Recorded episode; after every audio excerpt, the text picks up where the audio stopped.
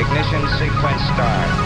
Five, four, three, two, one, zero. Quantum leap. Salto quântico. Salto quântico. Salto quântico. Salto quântico. Quantum leap. Salto quantico. Salto quantico. Salto quantico. Kvantum, det du inte visste att du ville veta. Vet ni, det var ganska nära ögat att jag inte skulle ha blivit till. Eller min mamma och min mormor för den delen. 1918 rasade nämligen en av de värsta pandemierna någonsin, den så kallade spanska sjukan. Den tog livet av uppemot 100 miljoner människor, flera gånger mer än båda världskrigen sammanlagt. Hösten 1918 insjuknade min mormors mor i den här virussmittan, som alltså var ett A-virus, H1N1. Våra vanliga säsongsinfluensor är till en stor del A-virus, av en annan sort dock. Nå, min mormors mor, hon överlevde hur som helst, men det var nära. Och hade hon strukit med så skulle jag ju som sagt inte sitta här idag. Nå, alla släkter har ju säkert såna här historier att berätta. I min pappas släkt var det ett annat virus som orsakade en tragedi då min pappas syster, som då var i tidiga tonåren, dog i polio. Markus Rosenlund, så heter jag hur som helst och Kvanthopp ska idag handla om virus. Både om vad de egentligen är och hur de skiljer sig från bakterier och så ska vi också få höra några experter uttala sig om den nu pågående coronavirusepidemin där dödssiffran fortsätter att ticka uppåt. Ännu är vi ju långt ifrån spanska sjukans siffror och dit når vi knappast någonsin, åtminstone den här gången.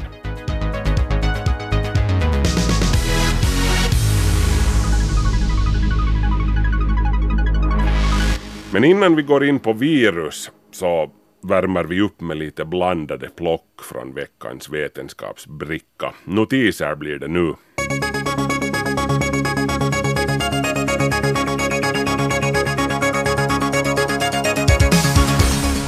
Träd tycks ha en genetisk våg, inom citat, som säger dem hur stora de kan bli innan de inte längre orkar bära upp sin egen vikt.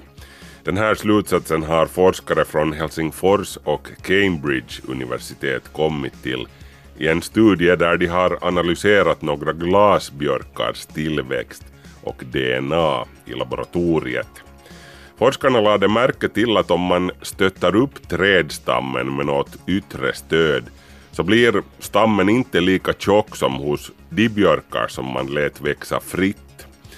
Forskarna lyckades dessutom identifiera en av de gener som styr den här utvecklingen. Det här är första gången som man studerade den här egenskapen just i träd. Orsaken till att man valde björken är att den växer väldigt fort i det inledande skedet. Är förhållandena de rätta så kan man få en björk att blomma och producera frön redan i ett halvt års ålder.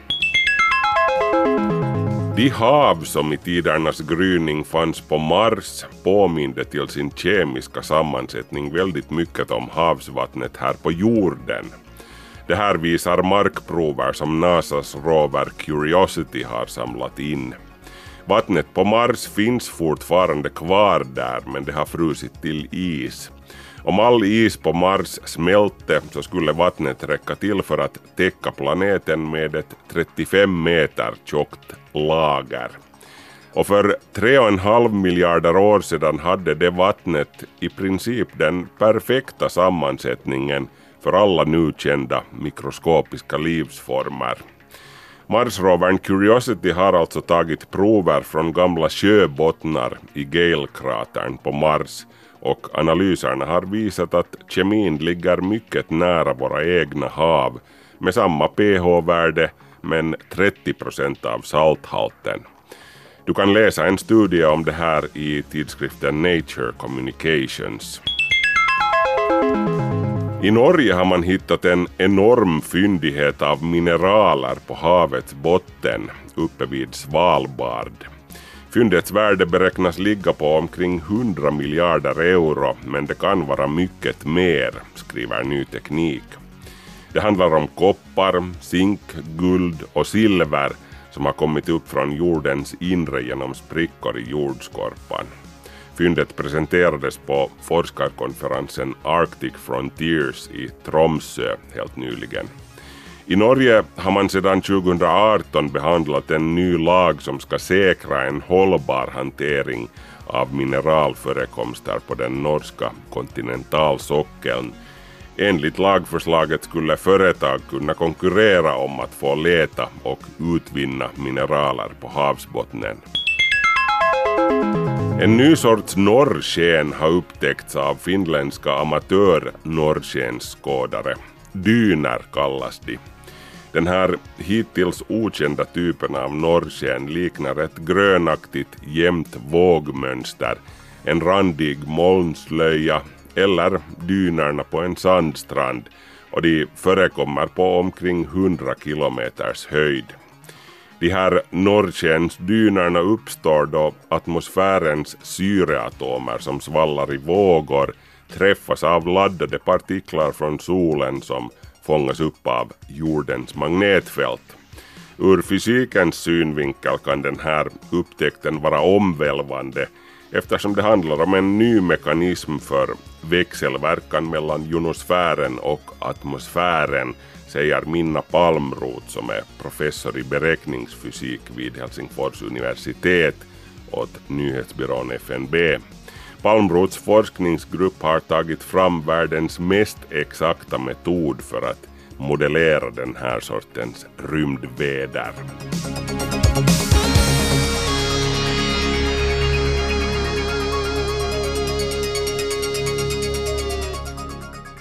Virus är ju på allas läppar just nu, åtminstone sådär metaforiskt.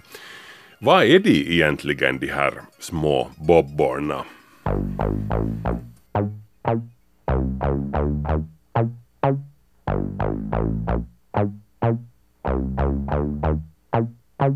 De flesta vet säkert vad ordet viralt innebär.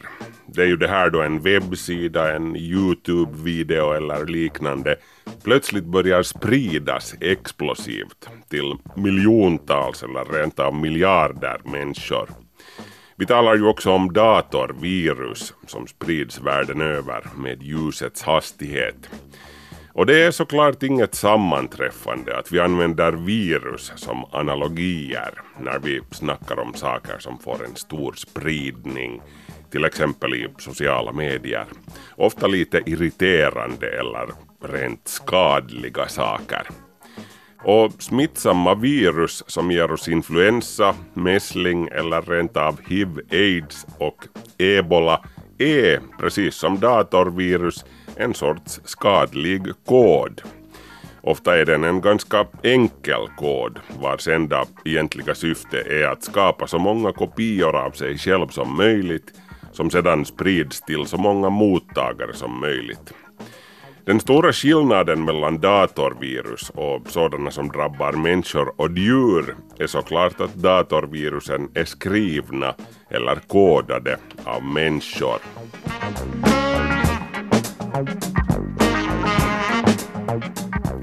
De biologiska virusen de är mer eller mindre lösryckta små inkapslade block av biologisk kod i form av RNA eller DNA. En tjeckisk virusforskare som jag talade med för några år sedan formulerade det hela som att virus är dåliga nyheter omgivna av lite proteiner. Ofta är det just så enkelt. Virus finns i olika storlekar och former men oftast är de väldigt små. Om du skulle vara ett virus så skulle en bakterie vara stor som ett hus med åtta våningar i jämförelse. Bakterier kan smittas av virus men inte tvärtom. Största delen av alla bakterier är de facto ofarliga eller rent av nyttiga och livsviktiga för oss. Vi lever i symbios med dem. Bara omkring 1% av alla bakterier är skadliga för människor. Virus däremot, det är en annan femma. Virus finns och har alltid funnits överallt där det finns liv på jorden. Virus är den vanligaste formen av biologisk verksamhet på jorden. Det finns sannolikt miljontals olika sorters virus, även om vi bara har beskrivit och dokumenterat omkring 5000 av dem. Alla virus orsakar inte sjukdomar. Vissa virus kan till och med vara nyttiga.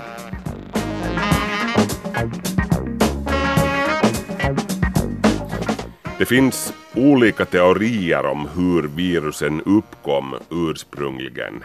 Vissa menar att de är rester av urgamla parasiterande celler som med tiden förlorade de gener som inte behövdes för deras parasiterande livsstil. Så de förtvinade till den grad att de till slut inte hade förmågan att föröka sig självständigt. Så de blev beroende av en levande cell för att fortplanta sig. En annan teori säger att virusen är rester eller små bitar av skräp-DNA som har lossnat och rymt så att säga från sin ursprungliga organism eller cell och som sedan har gått sina egna vägar och muterats vidare. Vårt eget DNA innehåller faktiskt rester av gamla virusinfektioner som våra tidiga förfäder utsattes för miljontals år i det förflutna. 5–8 procent av vår arvsmassa tros härstamma just från uråldriga virus som en eller annan förfaderorganism har införlivat i sitt operativsystem så att säga. Hur som helst så menar vissa att virus inte ens kan betraktas som liv i ordets egentliga bemärkelse ett viktigt kriterium för liv är att organismen ska vara kapabel till självständig fortplantning, en förmåga som virus som sagt inte har. Det har däremot bakterier. De är i regel fullfjädrade, encelliga små organismer med alla funktioner som en cell har. Om vi snackar i datortermer så är virus alltså små biologiska program vars enda syfte är att ta sig in i datorerna som representeras av cellerna i din kropp. En cell är med andra ord som en avancerad biologisk dator och fabrik också dessutom som processar inkommande och utgående kemisk information. Cellerna kommunicerar med de övriga inom citat datorerna i kroppens nätverk så att helheten funkar smidigt, så att du är frisk med andra ord. Cellen är full av komponenter. Där finns biomolekyler, membran, organeller som mitokondrierna till exempel, cellens kraftverk och den så kallade Golgi-apparaten, etc. etc.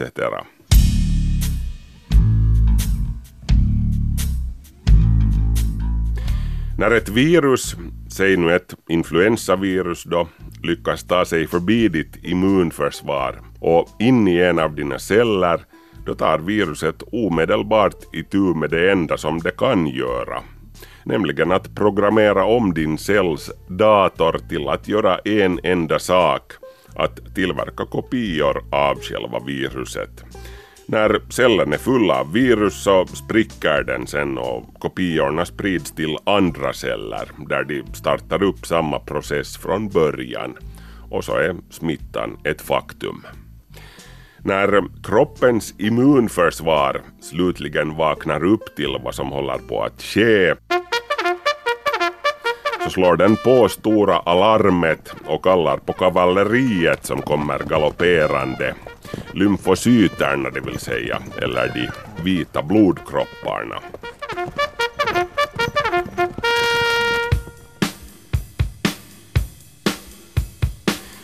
Immunförsvaret det är ett spännande kapitel i sig. Där finns hela staben av soldater och spioner som till exempel T-hjälparcellerna som identifierar fientliga inkräktare och kallar på makrofagerna kroppens dammsugare som kommer och slukar inkräktarna bokstavligen. Så har vi mördar-T-cellen, den heter faktiskt så, immunförsvarets James Bond som dödar infekterade celler eller parasiter med hjälp av toxiska ämnen. En giftmördande agent alltså. Och så har vi minnes-T-cellen, spionen som observerar och dokumenterar fienden så att immunförsvaret ska vara snabbare med att sätta upp en offensiv nästa gång det sker en invasion.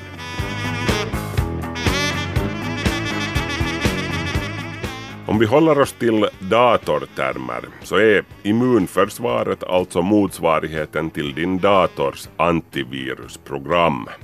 Visst har du ju ett sådant installerat? Mm. Precis som datorns antivirusprogram som behöver uppdateras med jämna mellanrum, ofta rent av dagligen, måste också kroppens immunförsvar uppdateras. Datorns antivirusprogram uppdaterar sig numera automatiskt i bakgrunden utan att du ens märker av det nödvändigtvis. Men kroppens motsvarighet, immunförsvaret, behöver åtgärder från din sida. Antingen ofrivilliga åtgärder, som att du drar på dig en virusinfektion och blir sjuk. Har du tur så överlever du och då minns immunförsvaret inkräktaren och kan skydda dig nästa gång den dyker upp. Du har alltså blivit immun. Så här gick det till förr. Ett modernare och mycket smartare alternativ är att låta vaccinera dig och uppdatera ditt antivirusprogram så att säga på det viset. För virusen som återkommer med jämna mellanrum i stil med säsongsinfluensan, A och B-virusen alltså, de muteras och förändras en aning från år till år. Då kan immunförsvaret ha svårt med att känna igen dem när de dyker upp på nytt nästa höst.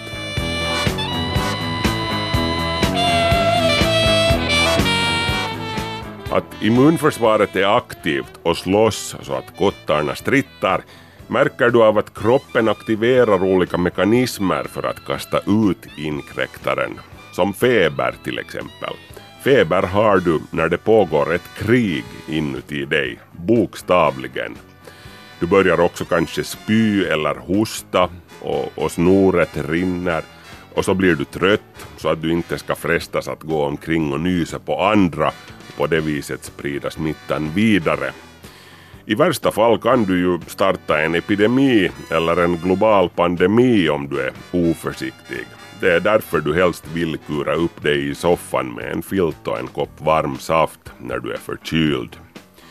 Virusinfektioner kan vara milda eller riktigt jobbiga och allting däremellan.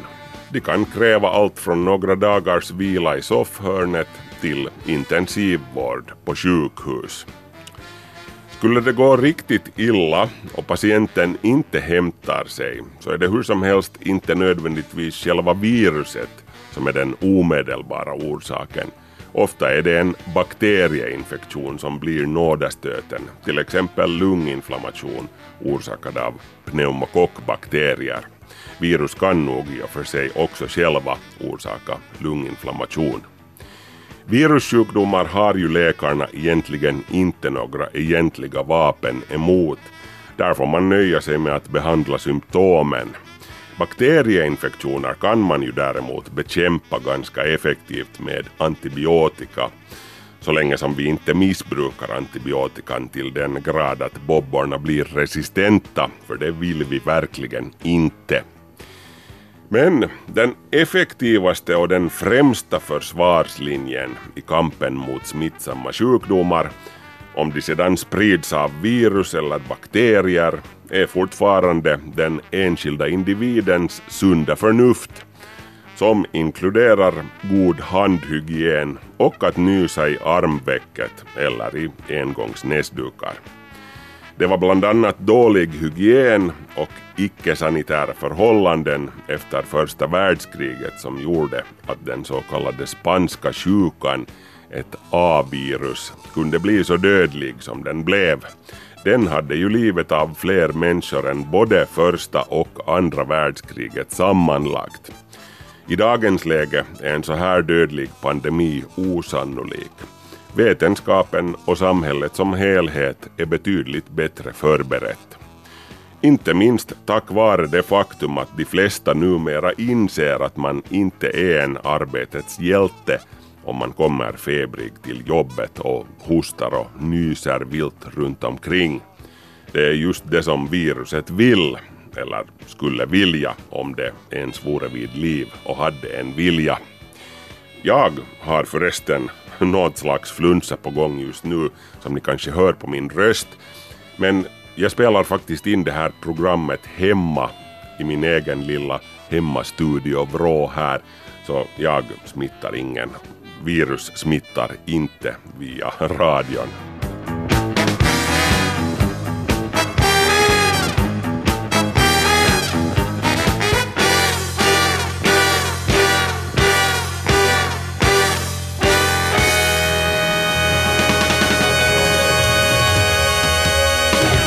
Men på allvar alltså, hur oroliga borde vi vara för den pågående coronavirusepidemin? Vi ska nu höra en diskussion från tidigare den här veckan, från i onsdags, då slaget efter tolv tog upp coronaviruset. Också undertecknad deltog i den diskussionen, som leddes av Bettina Sågbom.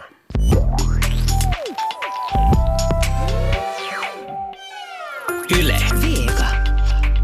Här är infektionsläkaren Peter Klemets. Välkommen. Tack. Sen är här Mika Salminen från THL, Goddag, goddag. alltså Institutet för hälsa och välfärd. Vi bör också säga vad det heter på svenska. Och vår vetenskapsredaktör här på Svenska Yle, Markus Rosenlund. Välkommen. Tackar. Jo, alltså kampen eh, fortsätter. Och det har ju gått ganska snabbt. En av kvällstidningarna, jag tror det var Iltalehti, bjöd igår på en sån här tidsaxel som de visar precis med datum att hur de här antalet smittade har ökat och vad, hur många som har dött. Och det, det går ju käpprätt uppåt nog hela tiden. Men dock så är det ju inte några sådana liksom grymma siffror ännu det är frågan om. Eh, hur, varför denna stora oro? Eftersom det ändå har visat sig att, att eh, procentuellt sett av de som får smittan, eh, det betyder ju ingalunda direkt att man dör av den. Jag med det, Mika Salminen. Ja, no, det är säkert, när de första fallen då kom så, så måste man tänka, tänka på att då Kina har den här äh, liksom tidigare erfarenhet av sars som var en väldigt allvarlig form av sjukdomen, en ganska stor del av, av, av fallen.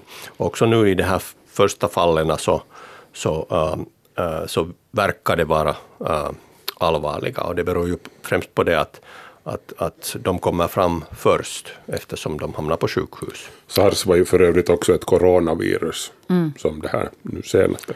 Precis, och, och därför har Kina så att säga förberett sig på, på motsvarande situationer. Men, men alltså, nu har vi läst till exempel att andningsskydden är slut från vissa sådana importörer av andningsskydd har inte mer att ge. Och vissa apotek har hyllan tom. Här i Finland. Det, och det tyder ju på då att folk faktiskt på riktigt är, är skrämda av den här pågående situationen. Uh, va, vad, varifrån kommer den här oron? För att vi, tillika vet vi att eh, ett vanligt influensa sån här virus också tar livet av mycket människor. Det är ungefär samma mortalitet alltså som för en vanlig säsongsinfluensa. Men då tar inte andningsskydden slut. Nej, för vi är vana vid det. Ja. Va, vad säger du Peter Klemets? No, jag, det är nog säkert att det, ja, som, som Mika sa här, att, att det här minnena från sars och så har vi ju, har vi ju svininfluensan här tio, drygt tio år sedan när det var mycket, mycket liksom, eh, eh, kring det också. Jag tror att det här liksom, det väcker, det väcker de här kanske minnena till liv. Plus att det här ju, det är ju väldigt, eh, väldigt medial händelse det här. Det, det, det skrivs och, och, och talas varje dag i medierna om det här. Men att jag tycker just att man, man måste sätta det också lite i proportion. Till exempel här i Finland, just som, som du sa om, om influensa, så, så kan vi, vi kan ju ha upp, som mest uppemot, uppemot en 800 000 fall i influensa, om det är en riktigt rejäl epidemi, varav dödsfallen kan vara kanske en 500 till 2000. Precis. Så att det är liksom kanske perspektivet man måste väga det här emot. Så, så det är kanske bra att hålla, hålla i minne. Men om, vi, om vi börjar med att, att ta de här basic-grejerna om corona. Ni säger att det är ett coronavirus. Förklara för, för en, en vanlig dödlig att vad, vad, är, vad är det som gör att kännetecknar just coronavirus? No, egentligen det är det är bara namnet. Att virus, det finns en hel hop olika sorters virus som, eh, som då eh, kan förorsaka um, sån här respiratorisk infektion, alltså luftvägsinfektioner. Och, och vissa är mer allvarliga, andra är mindre allvarliga. En del förorsakar nu främst förkylning och snuva. Och sen har vi då influensa som ibland kan bli betydligt värre och speciellt mm, ho- hos ålderstigna personer eller, eller personer som har någon slags eh, Eh, annan eh, sjukdom. Och coronavirusen är- då en grupp av, av virusen som har en viss, viss genetisk struktur. Eh, och det där finns både hos, hos de människor, olika sorter, men också ganska många djur har, bär på coronavirus. Mm. Och det här corona-ordet kommer alltså från att det här viruset, då du tittar på det i ett mikroskop så, så liknar de här piggarna som det, som det omges, det här proteinskalet och dess piggar, det liknar eh, solens corona, solens atmosfär. Därför alltså namnet. Okej.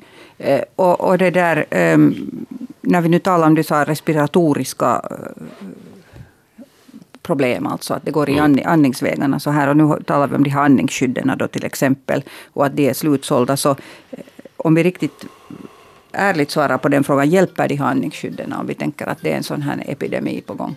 Eh, alltså man, man, har, man har sett med andningsskydd att, att de hjälper inte, de är inte speciellt effektiva. Eh, speciellt inte, inte de här skydden som man, som man köper liksom i apoteket, så här så kallade kirurgiska andningsskydd. Det kan ha en viss betydelse till exempel om, om, om man själv är sjuk och insjuknar och, och, och liksom nyser och hostar och så där kan, det ju, kan det ju i viss mån kanske skydda andra men, men, men en själv så skyddar det relativt dåligt. Att då ska man ha sådana effektivare andningsskydd, sådana F, FFP2 eller 3 masker som är, som är jättejobbiga att ha på och dyra och så vidare. Hur, är det sådana som vi har sett i sådana filmer om, om, om olika epidemier och sånt som täcker hela huvudet? Så, eller? Nej, det är nog sådana som täcker liksom näsa och mun, Ja. men de har sen ett sådant, eh, en ventil där på och, och, och de är som sagt de, de, de är inte trevliga att ha på väldigt länge. Det blir tungt, tungt med andningen. Och. Ingen liksom förbjuder ju en att använda dem, det är ju fritt fram för, för vem som helst att göra vad de har lust. Men att, men att problemet är ju också det att, att, att om du ska ha ett sådant and- andningsskydd hela tiden på, eh, så för det första, så som Peter sa, så, så blir det efter tid jobbigt, de blir våta och, av, av andningsluftens fukt. Sen måste du byta dem och sen justerar du dem och, och i själva verket där kan det vara mera risk eftersom du då har, har dina händer hela tiden i ansiktet. Och, och, och smittan kan då som sagt ske via olika slemhinnor. Så, så att gräva sig i näsan eller att röra ögonen och allt det här så, så är en liksom risk ifall du nu råkar ha på fingrarna. Så eh, det att folk köper de handlingsskydden, så det, det är någon sorts eh, hur ska jag säga, någon, någon reaktion de får från att ha sett kanske bilder. Ja, det är väl ungefär Ja. samma som när man hör om en kärnkraftsolycka någonstans så springer ganska många ut och köper Ja. jodtabletter också fast det inte egentligen finns något akut behov för det. Jag tror också att det, det här är den psykologiska äh, sidan är, är liksom viktig här. Och sen förstås när man ser, mm, det är ju vanligt i Asien då att folk har Ja. äh, andningsmask på sig. Och det finns flera orsaker egentligen bakom det. Jag har alltid trott att det också hade med luftföroreningar att No, det göra. har Mm. alldeles säkert med luftföroreningar att göra. Att, att, att, äh, mm, att i många länder i Kina, men också i andra asiatiska länder, så är luften, luftkvaliteten så dålig att, att, att man på riktigt måste ha någonting äh, framför munnen när man andas. Nu har det kommit nyheter då, det kommer ju dagligen eh, hundratals nyheter. Det var det som Peter här sa, att, det, är att media lyfter fram det här också. Vilket leder till, är det nu bra eller dåligt förresten att vi lyfter fram det hela tiden? Jag tror kanske i, lämp, i lämpliga proportioner, men det, det vill... Det, det tenderar nog att slå över och det har ju också sen kanske negativa inverkningar liksom på folks beteende och, och till och med kanske på ekonomin och, och, och sånt här. Att, att, eh, Mm, det, det som ju framförallt gäller i sådana här fall är, ju att man måste hålla huvudet kallt och det gäller också oss journalister. Och vi, vårt ansvar är också att se till att, att publikens huv, huvuden hålls kalla. Så panik och spridande och den här sortens braskande rubriker som man har sett, så det, det tjänar nog ingen på. Kanske det säljer några extra lösnummer, men, men det är jätteoansvarigt. No, det har kommit i alla fall nyheter nu om att, att det här viruset tydligen nu får ni rätta mig om jag har fel, men så har jag läst att det har förstärkts, att det har liksom ändrat lite form efter att man... Stämmer det? Ja, det, det här ska man nog ta med en stor nypa salt. Att, Därför att, frågar jag om att, det, för det är också en braskande rubrik. Ja, exakt. Och, och här tror jag att det är också en, en delvis en, en översättningsfråga. Att, Mm. att kineserna uh, i sin egen liksom, presskonferens använder någon terminologi som sen översätts så här. Så och vi sa- Mm. vet inte riktigt vad de menar. Jag tror att vad, vad, vad här liksom ligger bakom är det att att, att i början så, så ansåg man ju eh, på basen av det dåvarande data att, att det var främst frågan om att, att folk hade fått smittan direkt från djur. Det här har ju alltså högst sannolikt ett, ett ursprung i någon slags djur. Och, och då tänkte man i början att de flesta fallen beror på den här direkta överföringen. Och nu har det visat sig att, att, att, att tyvärr är det nog inte så, utan, utan det smittar då också från människa till människa. Hur effektivt, det vet vi inte ännu. Jag tror att de har refererat till det här, men att det att viruset skulle ha förändrats på något sätt på så här kort tid eh, är nog inte sannolikt. Håller du med om det Peter Clemets? Ja, absolut. Det tror jag också. Det tror jag också.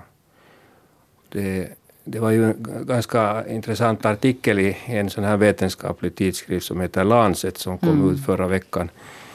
Och där visar, där, det var kineserna som publicerade från Wuhan en sån här med 40, 41 eh, tror jag, fall det var, som hade insjuknat.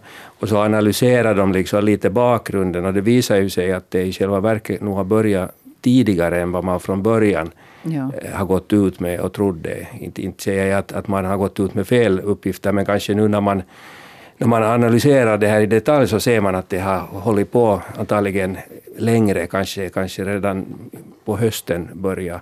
Och att det inte, inte på något sätt är alla, alla fall är inte förknippade till den här, till den här fisk eller djurmarknaden. Att, att det högst troligt just har skett sån här smitta mellan, mellan människor här för, i ett tidigt skede också. No, vilken betydelse har det att det här viruset, det har i alla fall sagts att det kan eh, förmår eh, smitta trots att patienten i fråga inte har något symptom ännu, alltså under inkubationstiden? Och där, där finns det som sagt uh, liksom ny information som tyder på att så här kan det ske. Uh, vi vet ännu inte att, att hur tidigt före, före uh, symptomen startar. Att är det frågan om, om bara några timmar eller är det frågan om flera dagar tidigare. Eh, det är inte helt ovanligt att, att, att så här kan ske. Det finns, finns andra eh, äh, virussjukdomar var också smitt, smittoperioden börjar före själva symptomen börjar. Äh, Så att det här är en fråga som inte, inte är helt klar ännu och vad det betyder sen för, för epidemin. Ja, man kan ju förstås dra, dra någon sorts slutsats från det att vi har, alltså nu, vi har det viruset i, på ganska liksom, andra sidan av jorden i Kanada och, och i USA. Så, och de här människorna har ju kommit dit på något vis med, med flyg då och man kan ju nästan gissa att de, de har varit relativt symptomfria ännu i, vet, du, när de har passerat passkontrollen. Och så därför passkontrollanter, tullpersonalen är ännu för tiden, råkar jag veta, min bror har jobbat med det här. Så de är, framförallt när det här är i rubrikerna och sådana saker, så de är ganska alerta och, och kollar att pärlar det svett på pannan på någon så, så det är ganska snabbt framme. Och, och, Och I vissa länder har man ju mätt, mätt också temperaturen på, ja. på passagerare. Men om, jag menar, om de har kunnat flyga ända till Kanada eller USA och symptomen har brutit ut först där så kan man ju anta att det åtminstone är längre än 8 till 10 timmar. Och det, är, en bra kommentar det här i själva. Vi, vi har ju sett att, att, äh, att de flesta fallen som då har uppdagats i, i andra länder än Kina så har inte lett till några andra fall. Att vi har några, några smittokedjor, eh, senast i Tyskland så, så hittade de en. Men att i, i de allra flesta, och det är upp, upp till nästan 50 tror jag, sådana fall som nu har sett, så har det inte lett till, till vidare smitta, vilket då tyder ändå till det att så där jättesmittsamt kan det här inte vara. Nå, vad- Vad säger ni nu om det här då att, att australiensiska forskare har lyckats få fram viruset, alltså eh, ta fram det här viruset i ett laboratorium? Det underlättar ju jobbet med att få fram ett vaccin förstås.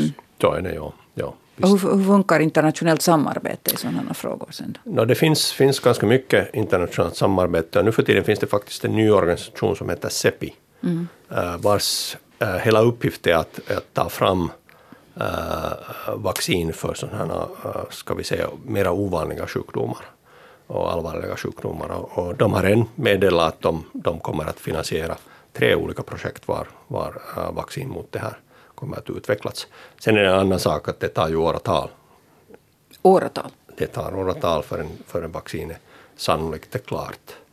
Eh, för att bara att utveckla det räcker inte, sen måste det också testas för säkerhet och, och funktion. Och det är inte någon liksom, sån där sak som man bara gör över veckoslut. Jag, jag skulle vilja lite titta på det här. Hur mycket vet vi om de som har, har då, alltså vi vet att olika människor från alla samhällsgrupper och åldrar har, har liksom insjuknat, men alla dör ju ingalunda. Av de som har faktiskt dött i den här sjukdomen, vad vet vi om dem? Åtminstone vet man att nu, nu kommer jag inte exakt, ihåg de som har dött, men ska vi säga de som blev allvarligt sjuka.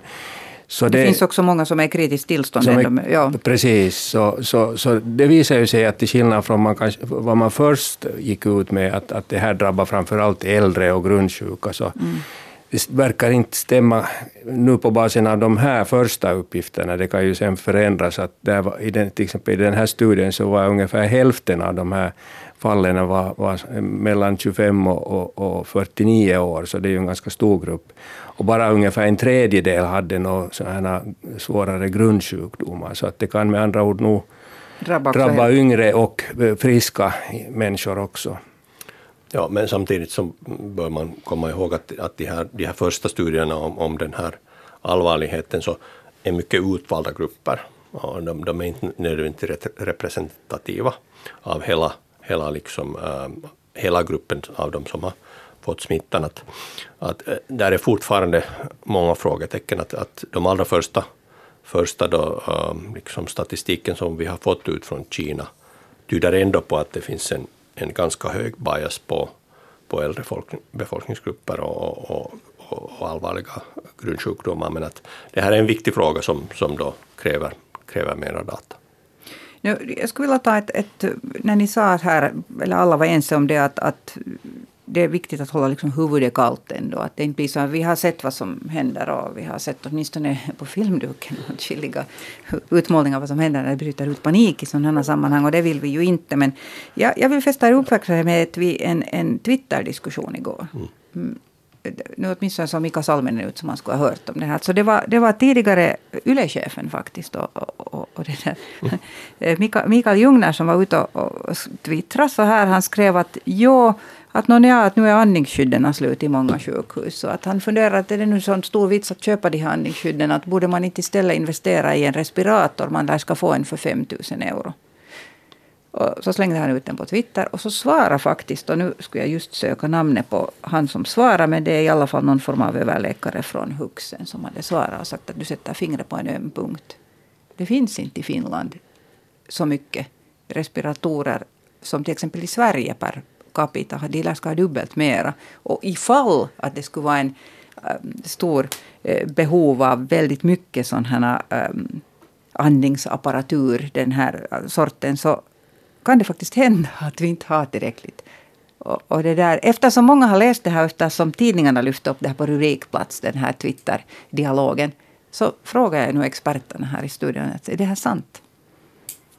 No, jag, jag har nog inte exakta siffror på hur mycket vi har respiratorer i Finland. Men, men nu är det ju ett faktum att om, om, om vi får någon sån här större, till exempel influensaepidemi, med, med många allvarligt sjuka personer. Så, så nu, det som ofta krisar är ju tillgången på, på de här intensivvårdsplatserna, och, och, inklusive säkert respiratorer, men kanske just de här intensivvårdsplatserna. Att, mm. att det kan vara en sån här ganska kritisk flaskhals. Men, men, men jag, kan inte, jag har tyvärr inte några exakta siffror att, att jämföra till exempel Sverige och Finland. Ja, det här, jag har sett den här eh, Twitter-diskussionen nog. Uh, vad ska jag nu säga om det? Alltså, eh, om man riktigt målar fan på väggen så, så förstås så kan, det ju, uh, kan man ju tänka sig olika scenarier var, var alla möjliga förnödenheter och, och, och viktiga liksom apparaturer inte räcker till.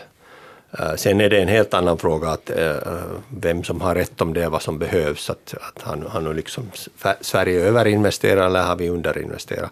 Det här vet ju ingen egentligen. Att, att det, de, de de liksom beredskap som, som i Finland finns så är, är uträknad enligt en viss, visst scenario som nu inte det helt domedagsscenariot, men inte det heller liksom den, det allra, allra mildaste. Så att, så att nu skulle jag nu säga att, att äh, här var nu lite sån här äh, mellanlands äh, Finnkamp typs tävlan kanske bakom de här mm. kommentarerna också. Att, att det där, att jag skulle nu säga att, att på basen av det som vi vet om den finska beredskapen så är inte det nu dåligt. Men jag visste inte ens att det fanns respiratorer att eventuellt köpa för vanligt folk. Det finns, det finns inte. nej, det var nej, nog, det var nog, nej, det, Så det, det, ska man inte räkna med. Då, då har vi avhandlat den rubriken. Eh, Det som eh, jag tänkte på här ännu att eh, det som intresserar vanligt folk så det är ju det att om du, om du just i dessa dagar går omkring och, och och du kanske har vistats, säg att du har varit i Lappland och skidor. Du har varit på ett hotell där det finns en massa kinesiska turister. Och så får du flunsa eller symptom och så blir du lite orolig. Nå, hur, hur vet du sen att, eller vet du, att om du har smittats eventuellt av coronavirus? Du eller vet om du, inte. Nej. Du vet inte? Nej. Nå, vad ska man göra? Stanna hemma. Ja, man, man, ska, man ska bete sig som om, som om man ha, ha, annars skulle bete sig. Att, att om, om du har milda symptom och stanna hemma och dricka, dricka saft och, och äta kanske lite, lite liksom, uh, verkmedicin um, enligt helt normalt uh, protokoll. Och, och sen det där, uh, förstås sen om du får, blir allvarligt sjuk så söker du dig ju till hälsovården i varje fall. Man måste sätta det här i proportion när man tänker nu att okej, okay, om vi har nu nära 6 000 fall för tillfället i Kina, mm. bland 1,5 miljarder människor. Och sen skulle man tänka sig att just den där personen som har ett sånt här så råkar vara där bredvid mig, så den sannolikheten är ganska låg. Och, och, och sen när man också, också vet att det här nu inte liksom smittar varenda person som råkar befinna sig eh, några minuter i samma utrymme, så, så det där är liksom riskerna eh, väldigt små att, att det ska gå så här. Så att um, så att jag skulle inte ta till några extra åtgärder. Men, men här gäller ju alltså precis samma bondförnuftsregler som med alla smittsamma sjukdomar. Att, att du är inte en hjälte om du kommer till jobbet och hostar och snörvlar. Ja, absolut. Ja. Bli hemma. absolut. Det där, eh, om, om man söker sig till sjukhus överhuvudtaget för att man har svåra influensasymptom, alltså hög feber som inte vill gå över om man har andningssvårigheter, hur, hur kollar man då att vad det är för sorts influensa man har, Peter? No, no, då kan man, om, ja, om man söker sig till sjukvården mm. så då eh, på basen av, av, av, av symptom och, och hur, hur, man då bedömer det hela så, så tar man ju, det finns prover som man kan ta. Mm. Eh, rutinmässigt så tar, om man misstänker, när det är influensatider, om man misstänker influensa så då tar man ett sånt här prov från, från näs, näsan, bakre näsan, där man kan få, få ganska snabbt ett svar och så kan, kan, det, kan man gå vidare med ett annat prov som man får senast nästa dag svar på. Så med det här kan man testa liksom då influensa eh, och, och sån här, eh, vissa andra eh, respira respiratoriska virus. Men sen vad det gäller det här coronaviruset så där är ju specialtester och det kräver ju helt andra arrangemang. Och där Berätta lite om dem, på vilket sätt specialtest? Eh, no, där är ju det att för det första så om, om man liksom misstänker det här, en, en smitta, så, så, så då har vi instruktioner i Finland att, att man ska kontakta då närmaste eh, eh, smittskyddsansvariga läkare i det område där man bor, att beroende på var man bor då. Eh, och, och Du är ansvarig då i var då? När jag jobbar i Borgå så Ja. jag tar, men i princip så har vi det arrangemanget att här i, i Nyland så, så styrs sådana här fall nu eh, till, till Helsingfors, liksom, till den här epidemiologiska enheten.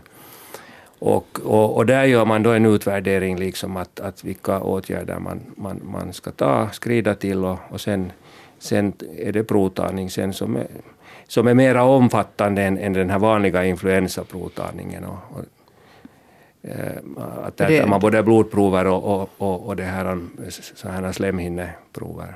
Det är antagligen det som man håller på med då i Lappland med den här ena. Och det som man ska förstå är att, att, att äh, nu så tas det inte sådana prover på varenda person som själv liksom skulle vara intresserad av att testa det här, utan, utan det finns strikta kriterier att, att det krävs att det finns då en, en, en riktig risk att, att någon person till exempel är från Wuhan och får då specifika symptom som, då, som de, de här liksom fallkriterierna uppfyller. Så då tas det prover. Eh, Men att annars börjar det inte göras något sånt här specialdiagnostik eftersom det finns inte någon chans att uh, överhuvudtaget tro att man skulle kunna ha det. Brukar det vara så i sådana här sammanhang att det är massa människor som kommer och kräver och vill att, att det ska undersökas att jag har säkert coronavirus? Nå, lyckligtvis inte, men att nu sker det ju. Ja. Jag tänkte, det här, nu när vi talar om att det är virus som kommer från äh, djur. Äh, så det där, eh, det här intresserar mig ganska mycket, det här med överföringen av virus från djur till, till, till människa. Kan, ni- kan ni fördjupa det här lite? Att, har det liksom alltid varit så här eller är det här något nytt fenomen som har drabbat mänskligheten? Nej, nu har det ju alltid varit så här. Till exempel A-viruset som tog livet av eh, massvis med människor, den spanska sjukan, alltså då 1918 till, vad det ända till 20 som den höll på med. Min, min mormors mor hade, hade så den, den liksom kom ju från eh, diverse, vad det nu, ankoränder eller grisar, jag minns inte, men i alla fall soldaterna förde den från bondgårdar i USA över till Europa och sen började den spridas här på det viset. Men, så det här är en urgammal mekanism. Ja, Ja, Så, så har det alltid varit, alltså människan är ju ett djur bland de andra. precis. Och, och, och det här, eh, vissa, vissa uh, sådana här smittoframkallande, är det sen virus eller bakterier, så kan då förorsaka sjukdom i, i olika sorters djur, varav människan då är en. Ehm, så de kallas zoonoser. Uh, och, och ibland går det så att, att uh, att uh, en sån här liksom överföring sen leder till en större epidemi. Den största som jag, vi nu kanske mm, kan liksom nämna här är ju, är ju HIV som har sitt ursprung i, i en zoonotisk överföring någon gång för mm, kanske, kanske det där på ett hundratal år sedan eventuellt. Sen finns det också faktiskt rent, eh, hur ska vi säga, välartade, välvilliga eh, virus som, som våra förfäder någon gång för länge sedan har smittats av. Till exempel det finns ett hemprotein som produceras eh, i kvinnans placenta när, när kvinnan är, är, är gravid som härstammar från ett virus som smittade alltså våra förfäder för 100 miljoner år sedan eller så. Ungefär mellan 5 och 8 procent av människans det genom härstammar från urgamla virusinfektioner som, som våra förfäder har dragit på sig någon gång. Som blir till en del av vår kemiska verktygsback.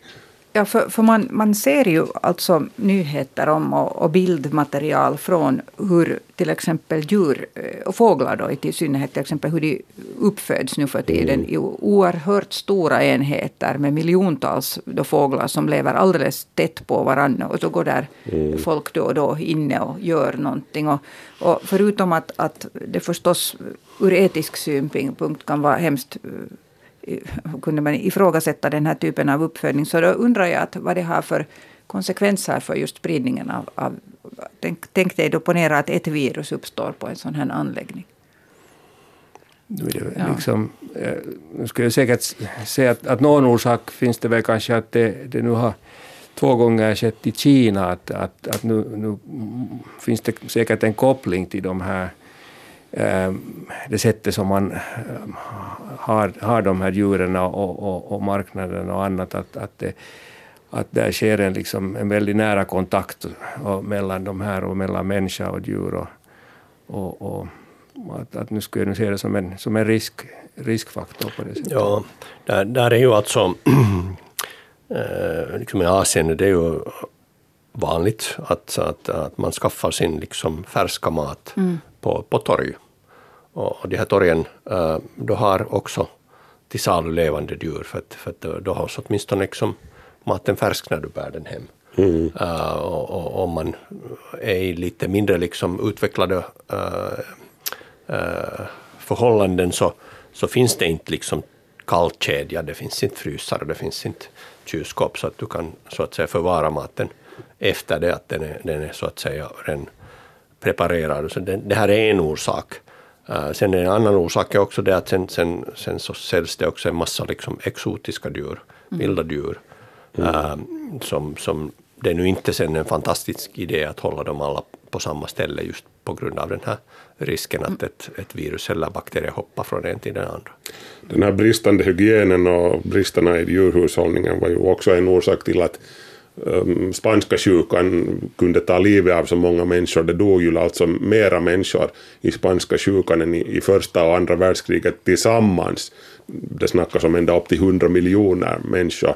Men, men förhållandena 1918 var mycket mera, liksom, eh, hur ska vi säga, ohygieniska och, och jag tror inte att liksom förutsättningarna för en lika aggressiv pandemi skulle finnas mer. Det, samhället, åtminstone här i väst, så är betydligt, har betydligt mera liksom, vett i huvudet och bättre hygien och, och se, olika säkerhetsåtgärder som, som förhindrar den här riktigt värsta smittspridningen. smittspridningen. Ja, jag har samma åsikt att, att, att det, den här dödligheten, så långt som, som sagt, nu vet vi ju inte så mycket ännu om det här. Som Mika sa, vi är här i början epidemin och vi har inte tillräckligt med data för att kunna, men det verkar ju som att dödligheten ligger på en 3 procent, kanske någonting i den storleksordningen. Spanska sjukan så rörde det sig kanske om 5 procents dödlighet, så det är inte så stor skillnad. Men att det fick en sån här enorm spridning, så det beror just på det du, Markus, sa, att, att, att äh, omständigheterna var så totalt annorlunda. Plus det att vi, att vi hade ju inte tillgång till några antibiotika. Jag menar, vi har inte det här coronavirus heller, men, men, men äh, äh, influensakomplikationerna, lunginflammation kan vi ju behandla idag. Vi har influensamedicin till exempel och så vidare. Ja. Så, så på det sättet så, så tror jag också att, att det finns inte liksom förutsättningar att det skulle kunna nå sådana här eh, proportioner. Nej, det här är viktigt kanske att poängtera här att det, det är ofta inte viruset själv som tar livet av det, utan det är de här följdsjukdomarna, de här bakterieinfektionerna som kommer i, i det släptåg sen. Och de kan vi behandla med antibiotika. Ja. Det där, om vi tittar lite framåt, vi har bara några minuter kvar här. Så, eh, vad tror ni kommer att hända nu? Nu ser vi den här att det fort, fortsätter att öka då antalet smittade. Också då ökar ju också dödssiffran eh, efterhand. Men att som sagt så är det ju inte något grymt höga siffror ännu med tanke på på det område det har drabbat. Vi säger nu åtminstone så har kineserna vidtagit åtgärder nu, bygger sjukhus på, på tio dagar eller hur var det och, så, och det där stängt av hela provinser där folk inte får resa någonstans. Så det, det har drabbat miljoner människor som inte... Sånt går ju att göra i ett auktoritärt samhälle ska vi påpeka. Jag eh, skulle vilja se någon försöka göra samma sak i USA eller... Men, men, men lite framtidsspående här, vågar du ge dig på det Mika Salmen? Det är, nog, det är nog jättesvårt, men att, men att ska vi säga som här att, att man får ta i trä och hoppas på att, på att de uh, åtgärder som då faktiskt är liksom helt uh, unika som Kina har tagit, tagit till och inte kanske någonting som, som man skulle kunna så där generellt rekommendera att man gör på grund av att de har också andra, andra negativa effekter. Så i varje fall så, så mm, jag tror att vi ser här inom några veckor att, att har det någon inverkan på, på det här totalfallet. Sen är en stor fråga att vad händer sen efteråt, för att för evigt kan man ju inte hålla på så här. Nej, förbjuda Sam- folk att, att samhället resa. måste Ja. fungera. Så att, eh, så att det, det tror jag att det sen den liksom eh, eh, punkten var vi ser att, att bet det och sen om det inte bet så, så vad, vad händer sen liksom följande? Om vi kan dra några slutsatser av SARS till exempel så jag menar nu kommer den här ju att klinga ut också i något skede. Inte höll Sar- SARS på heller så värst länge. Så. Vad tror du Peter? Jag, jag skulle nog hålla med om det här att, att, att det, det är svårt, svårt, svårt att säga såklart, men jag tror också att eh, det har ju många likheter trots allt med sars, SARS det här. Och, och, och det klingar ju ut att det värsta var ju över på ett halvt år ungefär, till sommaren så var, var ju liksom det mesta över då. Ehm, och, och förhoppningsvis har det här samma, samma tendens, så att säga, det här viruset. Och, och fram till dess så eh, råden ni gav här var ganska enkla. Eh, Handhygien. Eh, Vad säger ni om att resa? Alltså generellt så finns det ju inga hin- hinder till att resa. Att, att, eh, sen är det ju kanske inte så världens fiffigaste sak att åka just till Wuhan för tillfället. Eh, På det grund, av att, på grund av att mm, där nu inte samhället fungerar för tillfället heller. Hur är det med andra angränsande länder till exempel i regionen som också har haft viss del smitta? Taiwan till exempel. Och, och Ja, men de här är ju enstaka fall att det Mm, ja. finns ingen orsak varför man inte skulle kunna resa dit. resande dit. Nej. Ni är alla ense om det. Ja. Ja. Alltså håll huvudet kallt, tvätta händerna och sunt förnuft. Kom inte till jobbet snörvlande. Tack ska ni ha för att ni deltog i den här diskussionen om, om eh, coronavirus. Idag Peter Klemets, Mika Salminen och Markus Rosenlund. En ny debatt blir det imorgon samma tid, samma kanal. Hej då. Kvanthopp, det du inte visste att du ville veta. Det var Bettina Sågbom som ledde diskussionen som först sändes i Slaget efter tolv på onsdag här i Yle Vega. Markus Rosenlund heter jag som nu tackar för sällskapet och hoppas att vi hörs igen nästa vecka. Ha det bra och sköt om er. Hej så länge.